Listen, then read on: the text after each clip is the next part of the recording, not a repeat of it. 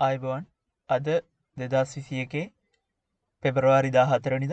රට කරන හැඩි පොඩ්කාස්ට් එක හතලිස් හතරනි කොට සුත්ත එක එකතුන හැමෝම වෙනද වගේම අතත් ආදරෙන් පිළිගන්න ඒවාගේම තමයි පොඩ්කාස්ට් එක හතලිස් තුන්ගනි කොට සුත්ත එක එකතුුණු අපිත් එක අදහස් බෙදාගත් හැමෝටමත් ගොඩක් ස්තුතියි කියල කියන්න ඕන. අද පොඩ්කාස්ටගෙන් අපි කතා කරන්න බලාපොරොත්තු වෙන්නේ ශිෂ්‍යයන්ගේ අයිතිවාසිකම් ගැන සහ ජනාධිපතිවරයාගේ පරිසර දැක්ම ගැන. ඉතිං අපේ පළවෙනි මාතෘකව දිහාවට හැරුණොත් එහෙම අපි මුලින්ම අද කතා කරන්න බලාපොරොත්තු වෙන්නේ පාසල් ළමයින්ගේ අයිතිවාසිකම් ගැන. විශේෂෙන්ම ගුරුවරුන්ට අයිතියක් තියෙනවාද? පාසල් ශිෂ්‍යන්ට ගහන්ඩ කියන කාරණාව පිළිබඳව. ඉතිං මේකට මුල්වෙන සිද්ධිය වෙන්නේ මාතර පුහුවල්ල මධ්‍යම විද්‍යාලේ අවුරුදු පහළවේ ළමෙක්ට පාසලේ විනේබාර ගුරුවරයා කනට ගහනවා. ඊට පස්සේ මේක හන්දා ඒ ළමයා ජීවිත කාලටම බිහිරි වෙනවා. ඉතිං මේ සිද්ධිය සිද්ධෙන්නේ දෙදස් දාහතවුරුද්ද මේක ශ්‍රේෂ්ඨාධිකරණය විභාග වෙනවා. විභාග වෙලා අවසාන තීන්දුව මේ ළඟදි නිකුත්වෙන එතකොට අධිකරණයෙන් නියෝග කරනවා. ගුරුවරයාට තමන්ගේ අත්තෙන් ලක්ෂ පනස්දාහක් මේ ළමයට ගෙවන්න ඕන කියලා. ඒ වගේම තමයි රජයෙන් ලක්ෂ පහක වන්දි මුදලකුත් මේ ළමයට දෙන්න ඕන කියලා කියෙනවා හුගේ ඒ ළමයාගේ අයිතිවාසිකම් උල්ලංඝනය කිරීම හන්ද. ඉතිං එතකොට මෙතෙන්දී ඇතියන ගැටලුව තමයි මේ තීරණය මේ තීරණය මුල් කරගෙන ගුරුවරෙක්ට අයිතියක් තියෙනවාද ළමෙට්ට ගහන්ඩ කියන කාරණාව. මේ මාතෘකාව ගැන හිතනකොට පොඩි උදාහරණයක් මතක් වෙන දවසක් අප ස්කෝලට එනවා මානව හිමිකම් කොමසාරිස්. ඒ දවස්වල ලංකා මාන හිමිකම් කවන්සිලේ. ටවස්සේ එය ඇවිල්ලා නිකං කිවනේසේෂන් එකත් තියෙන මේ කිවනේසේෂන් එකේදී එක ළමයෙක් නැකටලා මානවහිකම් කොමසාරිස්සක් වාදක පැටලෙනවා. ගුරුවරුන්ට ළමයින්ට ගහන්ඩ අයිතියක් තියෙනවද නැද්දි කියෙන කාරණා ගැන. ඉතිං මේක මේ ලෙක්ෂ එක ඉවර වෙලා ළමයි හෝල්ල එකෙන් එලියට එනකොට ශ්‍රේණි බාරු ගුරුවරයා හොල්ල ගෙලීඉඳගෙන හිටිය. ඒ ළම එලියටනකං ගහන්න බලාගෙන. ඉතිං ඇත්තටම ගැහුවද නැද්ද කියන එක අපි දන්නේ නැහැ. කොහොමහරි එහෙම අත්දැකීම් සමහරුන්ට ඇති. ඉතිං කොහොමුණත් අපි අපේ මාතෘකාවදිහට හරනොත් හෙම තැන් මේ මේ සිද්ධියත් එක්ක ලංකාවේ ලොක්කු කතා භාක් ඇතියලා තියනවා.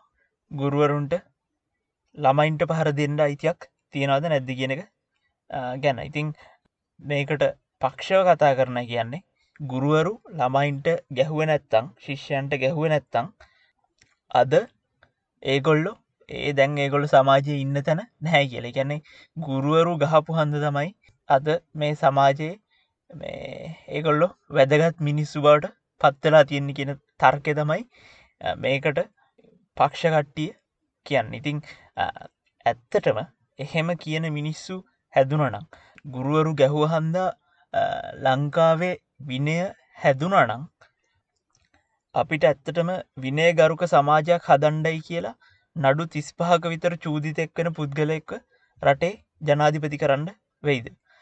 එහෙම විනයගරුක සමාජයක් තියෙනවනම් කාන්තාවන්ට යන්ඩයි කියලා වෙනම දුම්රිය මැදිරි හදන්න වෙයිද. මෙච්චර සංවිධානත්මක නොවෙන පොඩිපොඩි අපරාධ තියෙන්ඩ පුළුවන්ද ඔය කියන විදිහට ගුරුවරුන්ට ගහලා විනය හදන්න පුළුවන්න. ඒතරක්නේ ලංකාවේ මහාමාර්ග දිහාට හැරනම් පා හැම විනාඩි දහයකටම පාරක් ලංකාවේ මාර්ග අනතුරක් සිද්ධෙනවා. මේකද මේ ගුරුවරු ළමයින්ට ගහල හදන විනය. ඉතිං අපි කියන්න හැමේ සංවිධානත්මක අපරාධනවත්තන්ට ගුරුවරුන්ට ඕන වෙන ටූල් සියනයි කියල එගොලන්ට ඕනේ හැකියාවල් ස්කෝලකින් සංවිධානත්මක අපරාධ නවත්තන්න පුළුවන් කියලා අපි කියන්නේ නෑ හැබැයි සංවිධානත්මක නොවෙන අපරාධ පොඩි පොඩි හොරකං වගේ දේවල් තනින් හට කිල්ලා කාන්තාවන්ට සලකන ආකාරය වගේ දේවල් මිනිස්සුන්ට කතා වගේ කාරණාව දිහ බැලුහාම පවා ඇත්තටම අපේ රටේ පිනයක් තියෙනවාද. ඉතිං ඒක හන්දා අපි විශ්වාස කරනවා කනට ගහලා විනේ හදන්ඩ බැහැ කියලා. හැබැයි ඒ අත්තරම අපි පිළිගන්න ඕන දෙයක් තමයි ළමයින්ට නොගැහුව පලියට විනේ හැදෙන්නෙත් නැහැ කියන එක. එහෙමනං දැන් මේ ළමයින්ට ගහනොයි කියන එක ශිෂ්‍යන්ට ගහනොයි කියන එක ළඟදි පටන්ගත්ත දෙයක් නෙවෙයි අපේ රටේ ඉතරක් තිබුණ දෙයක් නෙවෙයි. මුළු ලෝකම සමහරක් රටවල්වල තාමත් නීති පද්ධතිය තියෙන දඩුවමක් මේ ගහනොයි කියනක ඉතිං මේක මූලි කරමුණුනේ ඉස්සරි නම්ම ගොඩක් කලාට මේ ගහනොයි කියන එක සිද්ධ කරේ. වැරදි වැඩකට ප්‍රතික්‍රියාවක් තියෙනවයි කියන පාඩම උගන්නන්න ඉතිං එත්තකොට සමහරු කියන දෙයක් තමයි මේ දඩුවම් දෙන එක මේ ගහන එක සිද්ධ වෙන්නේ හොඳ අරමුණකින් ඉතිං හොඳ අරමුණකින් මේක කරන හන්ද ගහන එකේ වැරැද්දක් නැහැ කියලා සමහරු කියනවා. ඉතිං ඒ වගේම තමයි පන්තියක සමාජයක විනහතියාගණ්ඩ වේ වැල පාවිච්චි කරන හරි ගහන එක හරි කෙටිකාලීනව හොඳ උපක්‍රමයක් කියලා තර්ක කරන්න පුළුවන්. ඕන කෙනෙක් වේවැලකට බයයි කණේ පාරක් කණ්ඩ බය ඉතින් ඒක හන්දා දඩුවමට බය කරලා කෙටිකාලීනව විනය තියාගණ්ඩ පුළුවන්කමක් තියෙනවා. හැබැයි ගහනවයි කියනෙකට විරුද්ධව ගෙන තර්කය තමයි ගුරුවරයෙක් ළමයෙක්ට ගහනකින් වෙන්නේ. ළමයි දඩුවමට බයවෙන්න එක මිසක් වැරැද්දට බයවෙන එක නෙවෙයි. ඒ වගේම තමයි පරීක්ෂණවලින් හොයාගෙන තියෙනවා ළමයින්ට ගහනවයි කියනකින් ළමයින්ව තවත් දරුණුවෙන්ඩ උපකාරයනවා කියල. එක ළමයින්ව තවත් දරුණු තැනකට තල්ඩු කරනයි කියල. ඉතිං මේක ගැන රිසර්ච් එකකුත් අපිට හම්බුණා. ඒ රිසර්ච් එකට ලිංක එකත් අපි පොඩ්කාස්ට් ඩිස්ක්‍රපෂන එක දාන්න ගිල්ල පොඩ්ඩක් කියවල බලන්න. ඉතිං මේ කාරණාව අපි උදාහරණයකට අරගෙන පොඩ්ඩක් කතා කරලා බලමු. ගුරුවරුන්ටත් පොලිසියටත් වගකීමක් තියෙනවා. විනේ පාත්තගන්න ගුරුවරු විනේපත්තගෙන අන්ඩෝනේ ඉස්කෝල ඇතුළේ පන්ති ඇතුළේ ඒ වගේ මේගොල්ලන්ට වගකීමක් තියෙනවා. විනය කියන එක උගන්නන්න වගේ. ඉතිං පොලිසිය දිහට හැරනාමත් හරිමනම් මේ ලංකා පොලිසිය කෙරෙන් නැතුව ඇති. අයමනට පොලිසියක වගකීම එන්න ඕනේ.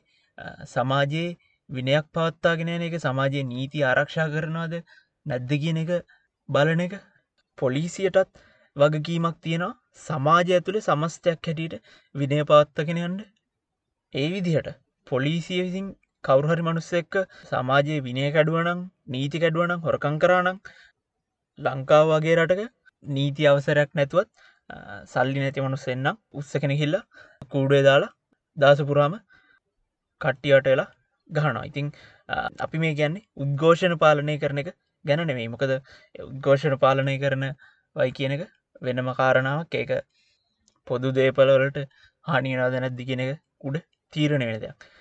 හෙම නැතුව මේ හොරගං කරහම කූඩේ දාලා ගහනවා. ප්‍රශ්න කරන්න අරංගිල්ල කූඩේ දාලා ගහන ඉතින් මේ ඔක්කොම කරන්නෙත් විනේ හදන්ඩ කියලා කෙනෙක්ට කියන්න පුළන් සමාජයේ නීති ආරක්ෂා කරන්න කියලා කෙනෙක්ට කියන්න පුළන් ඉතින් ඒකත් සිද්ධ කරන්නේ හොඳ අරමුණකින් නේද?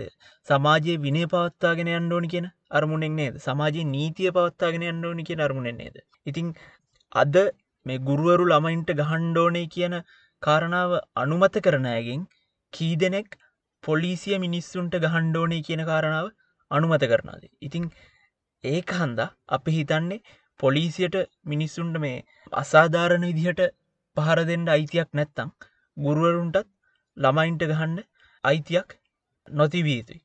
විශේෂෙන්ම මේ වගේ වෙලාවක මේ අපේ මාතෘකාවට මුල්ලුණු කතාවිදිවගේ ළමයින්ට අනතුරු සිද්ධනනම් තුවාල සිද්ධනනම් අපි හිතනවා ඒක ළමයින්ට ගහනවයි කියන එක සාර්ථක උත්තරයක් නෙවෙයි හොඳ පිළියමක් නෙවෙයි කියලා. ඒ වෙනුවට ඇත්තටම ගුරුවරෙක් කරණ්ඩෝනේ විනය නැතිවෙන්ඩ හේතු කාරණයකට මුල්ලුනේ මොකක්ද කියන එක. ඇත්තටම මේකේ සම්පූරණ බර ගුරුවරුන්ටම පටවන එකත් එක අතකින් සාධාරණ නැහැ. මොකද ලංකාවේ ගොඩක් ඉස්කෝලෝල හරියට කවුන්සිලස්ල නැහැ. ගුරුවරුන්ට හරියට පුහුණු කරලන හැ ළමයින්ට. ප්‍රදෙසක් දෙන්නේ කොහොමද? ළමයි හරියට හැසිරෙන් නැත්තං ඒක කනට දෙකක් නොදී ඒ තැනට යන්න නැතුව ඊට කලින් ඒක නවත්ත ගන්න කොහොමද කියන කාරණාවල් ගැන හරියට පුහුණුවක් දීලා නැත්තම්. එතකොට ගුරුවරු දෙමාපිය අතර හරියට සන්නිවේදන ක්‍රමයක් නැත්තං එතකොට ගුරුවරුන්ට කියන්න පුළන් වෙන කරන්න කිසිම දෙයක් නැති හඳ තමයි ළමයින්ට ගහන්ඩ සිද්ධෙන් කියල. ඉතින් මේක මේ ගුරුවරුන්ට විතරක් චක්‍රලයකයක් දාලා ළමයින්ට ගහන්න පයි කියල විසිඳන්න පුළුවන් ප්‍රශ්නයක් නෙවෙයි එතනින් එහාට ගිහිල්ලා ළමයි ඇයි මේ විදියට විනය විරෝධී වැඩ කරන්නේ? කියනක හොයල බලන්න පුළුවන්ගෙන හොඳ අධ්‍යාපන ක්‍රමයක් හැදෙනකං පිහිතන්නේ මේ ප්‍රශ්නයට සාර්ථක උත්තරයක් හොඳ උත්තරයක් දෙන්ඩ බැහැ කියලා.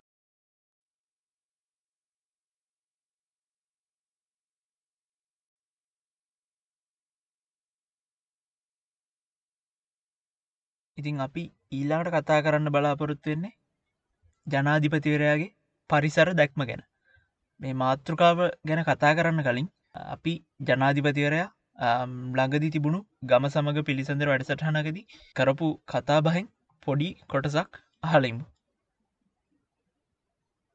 මේ දුෂ්කර පලාතා හැබැයි හොඳ දේශ ගුණයක් තියෙනවා මේකට එන්න පාර හෝම බල තැන් ඒ පාර හදනකොට ඕකටත් පහර ගහන්න පුළුවන් පරිසරය විනාස කරනවා කියලා. එම තමයි වෙන්නේ. අපි මතක තියාගන්න ඕන භාව ධර්මයාගේ ශක්තිය අපි ජන මනුෂ්‍යත්වයේ යහපත උදෙසා පාවිච්චි කරන්නට ඕන. එක තමයි අවශ්‍යතාවේ. අපි මනුෂ්‍යත්වය මිනිසා ජීවත් කරන්න ඔක්කොම කරන්නේ. පරිසරය කියන එකත් හුඟක් අය වරදවා තේරුම් අරගෙන. හම්දුන්නේ මම නගර සංවර්ධන අමාත්‍යංශය ලේකම්වරය හැටියට කොළඹ සහ තදාසන්න ප්‍රදේශවල සංවර්ධනය සමඟ පරිසරය සංවර්ධනය කරන්නේ කොහොමද කියන එක පෙන්නල දීලා තියෙන. ගක් අය පරිසරය ගැන කතා කරනවා විතරයි කිසි දෙයක් කරෙන්නේ නෑ. බැ පරිසරය කියන එක නිකම්ම තියන්න බෑ. එකත් සංවර්ධනය කරන අපි අලුතින් ජලාශ හැදුව කොළඹ කවදක්කත් නොතිබුණු ගස් විතරන්නේ ඇවිදින මංමාවත් ඇදවා ඕකේ ගස් අක්ෂයකට වඩා. කොළඹ යාවට මම ඉන්දල තියෙනවා. මගේ ලේකම්වරයා කාලේ. පරිසරය කියන එකත් සංවර්ධනය කරන්නට ඕන. බලන් කොළඹ බැලුවොත් පහත් බිම් ඔක්කොම ගොඩ කල්ලා මගේ කාලෙ මම ඒවා ආපහු ගොඩ නොකරන විදියට ජලාශ හදලා ම ඇවිදින මන්තීරු හදලා ගස් හින්දල ඒවා ආරක්ෂා කරගත්ත. එහෙම තමයි පරිසරය සංවර්ධනය කරන්නේ. දුප්පත් අයගේ පැල්පත් වෙනුවට මම ගෙවල් හැදුව.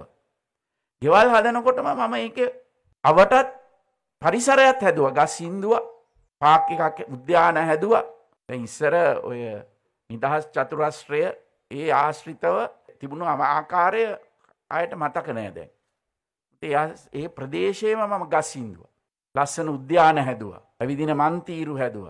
තැව නිදහස් චතුරස්රයට යන පාරේ තිබුණයට වීපිං විලෝ කියන ගස් මේ පිටරටකින් ගෙනාපු. මම ඒක ඒව ගස් අහක් කරලා නාගස්සින්දුව අද හරි ලස්සනයි නාගස්තියනවා. ඒ ගලවන කොටත් බැන්න එම තමයි දෙහ වැඩ කරන්නකොට බයිනෝ. මේ ඕඩිය එක ඇහුවහම අපි හිතනවා ජනාධිපතිවරයාගේ පරිසර දැක්ම එයා පරිසරය දකින විදිහ මේකෙන් පිට ඉගෙන ගන්න පුළන් කියලා දැනගන්න පුළුවන් කිය මේ සාකච්ඡාව එයා කියපු දෙයින් වැදගත්ම තැන තමයි මම කොළඹ හදල තියෙන හැටි බලන්ඩි කියන කතාව.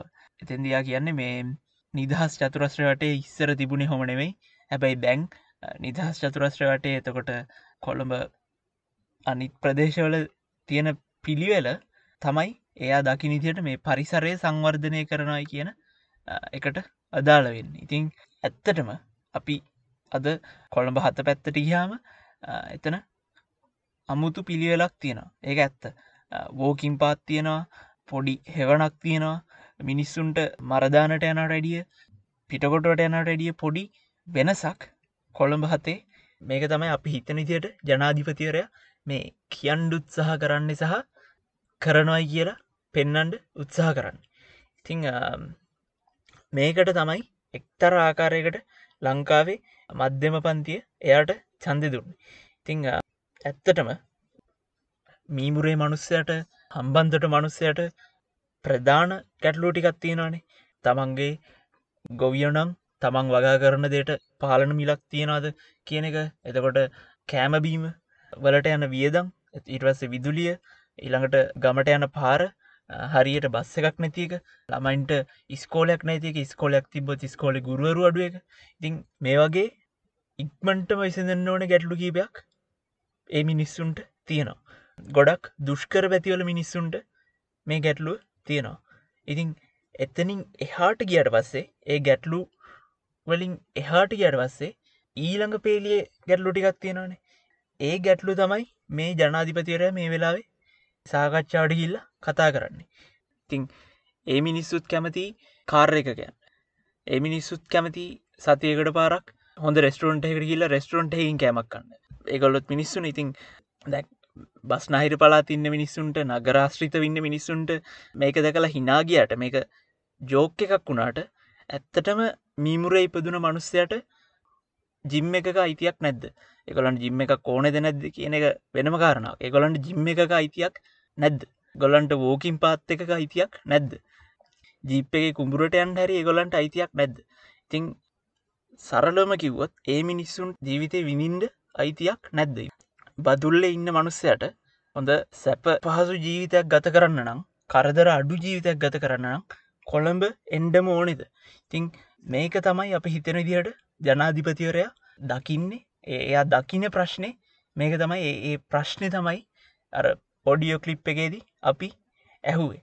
හැබැයි ඒ ගැටලුව අපි හිතනවා ගෝටාපයට ඒ ප්‍රකාශ කරගන්න බැහැ හරියට හරියට ඒ විස්තර කරලා ප්‍රකාශ කරගන්න බැරිහන්ද තමයි මිනිස්සුන්ට ගොවින්ට කාර එකක් දෙන්නඩෝනි කිව්හම මිනිස්සු හිනාවෙන්නේ ගහන්දම තමයි අර රනිල් ජිම් කට්ටල දෙනවයි කිව්හම හැමගමටම ජිම් කට්ටල දෙෙන අයුහම මිනිස්සුන්ට හිනා යන්නේ.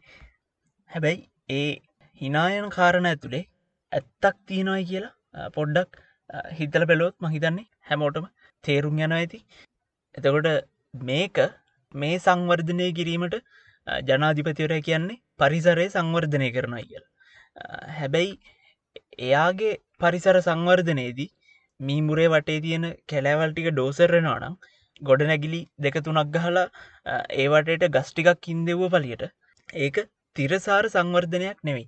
එතන මිනිස්සුන්ට මිනිස්සුන්ට බලංගින්ට හොඳ ගොඩනැගිලි ටිකක් ලස්සන ගොඩනැගිලිටිකක් ලැබෙයි. හැබැයි කැලෑවල් වල පැවැත්මත් තියෙන් ඕනේ. ජෛව විවිධත්තය පැවැත්මත් රටකට තියෙන් ඕන. එහෙමනං ඇත්තටම මේ පරිසර සංවර්ධනයක් ගැනනං ජනාධිපතිවර හිතන්නේ ඒකනං එයාගේ අරමුණ අපි විශ්වාස කරනවා බැලන්ස එකක් තියෙන් ඕනි කියලා. එතකොට මේ කියන බැලන්ස එක කොහොමද හොයා ගන්න ඉතින් අපි අපි දන්න ඒ බැලන්ස එක බැලන්ස එකක් තියෙන්ඩෝනි කියන කාරණාව ජනාධිපතිවරයට තේරෙනද නැද්ද කියලා? මොකද ඇත්තටම එහෙම බැලන්ස එකක් ගන්න නම් ඒක ගම සමඟ පිළිසඳරව ගැඩසටහනකින් කරන්න බැහැ මනුස්සෙක් නැගටලා කැලෑව කපන්්ඩෝනේ වගා කරන්න කියලා හවාම කිසිම හෙවිල්ලක් බැලිල්ලක් නැතුව ආශාවෙන්ද්‍ර මෙයට කැලෑ කපන්ඩ දෙන්න කීම තුළින් අපි හිතන්න මේ බැලන්ස එක ගණ්ඩ පුළුවන් කියලා. ඉතින් ඒකට තමයි ජනාධිපතිවරෙක්කින් ඒක හඳ තම ජනාධිපතිරට විදායක බලතල දීලතින් ඒ වගේම තමයි එයා ඒක හන්දදම් ඒ බැලන්ස එක ගණ්ඩ තමයි එයාගේ සහයට ලක්ෂගානක් රාජ්‍ය සේවකයින්. ඇත්තටම මේ පරිසරයයි මිනිස්සුන්ගේ පැවැත්ම අතරේ බැලන්ස එක ගන්න නම් අපි හිතන්න මේ මීමුරෙත් කොළඹ වගේ වෙන්න ඕනි කිය මේක ගෝටාබේටම විතරක් විශේෂණු ප්‍රශ්නයක් නෑ ගෝටාබේට අඩිය හොඳට කතා කරන්න පුළුවන් දීප්ති කුමාර ගුණරත්නත් අපි දකිනවා දේශපාලන සාකච්ඡාවකට ගිල්ල කියන මේ සිංහරාජෙත් සම්පූර්ණයම ඩෝසර් කරලා ඒක තියෙන ටික කම්පියුට්‍රේකට දාගත්තනම් සිමියලේට් කරනම් ඒ පරිසරය ආරක්ෂා වෙනවයි කියලා. තින් ඒගොල්ල හිතන්න මේ පරිසරය කියන එක කැලෑවල් කියන එක මේ කම්පියුටර් ඒක දාලා සිමියලේට් කරන්න පුළුවන් පද්ධතියක් කියලා. ඒගොල්ල ඒකොල්ලන්ට තේරෙන්නේ නැහැ. ඊටඩිය සියම් දේවල් පරිසරය තුළ සිද්ධනවා කියලා. එක මිනිස්සුන්ට කම්පියුට්‍ර එක දාලා රන් කරන්න පුළුවන් දෙවල්වලින් එහාට කිය දෙයක් පරිසරය ඇතුළේ කැලෑවක් ඇතුළේ සිද්ධනොයි කියලා ඒගොල්ලු තේරුම් අරගෙන නැහැ. ඉතිං ඇත්තටම මේ බැලන්ස එක ගන්න නම් අපි හිතන්නේ ප්‍රතිපත්ති හැදෙන්න්න ඕනේ. ගැන්නේ ගම්මාන ආශ්‍රිත ළමයින්ට ඉස්කෝල තියෙන් ඕනි කියලා ප්‍රතිපත්තිය හැදෙන්න්න ඕන. ඉරවස්සේ ඒවා නීති බවට පත් කරනකොට ගමකට ඉස්කෝලයක් දෙන කාරණාවේවා පාරක් හදන කාරණාවේවා බස්ස එකක් දාන කාරණාවේවා. මේ වගේ ප්‍රතිපත්ති නීති බවට පත් කරනකොට ඇතෙන්දි බලන්න ඕනේ කොහොමද පරිසරයට සිද්ධවන බලපෑම අඩු කරන්නේ. අලුත් පාරවල් හදන් නැතුව තියෙන පාරවල් නවීකරණය කරන්න පුළුවන්න ඒ ඒක කරන්න කොහොමද? තකොට පාරකට ගන්න අමුද්‍රව්‍ය මොනවාද? බස් එක ඩීසල් ගන්න එක හොඳ? හෙමනැත්තං ඉලෙක්ට්‍රික් කොලට යන්ඩ පුළුවන් හැකියාවක් තියෙනවාද? ඉ මේ වගේ දේවල් තමයි ප්‍රතිපත්ති හදන ජනාධිපතිවරෙක්ට කරන්න පුළුව ඉතින් මේ ගැටලු අපි හිතන්න රජකාලය ප්‍රශ්න විසිඳවාගේ ගමෙන් ගමට හිල්ලා වෙස්සෝලන් ගිල්ලා විසිඳන්න පුළුවන් කාරණාවල් කෙලිතින් ඒ මානසිකත්තෙන් එලියට ඇවිල්ලා ඇත්තටම ප්‍රතිපත්ති හදනකං අපි හිතන්නේ මේ ජනාධිපතිවරයා දකින ඒ පරිසර දැක්ම ඒ පරිසර සංවර්ධනයට අපිට යන්ඩ පුළුවන්කමක් නැහැ.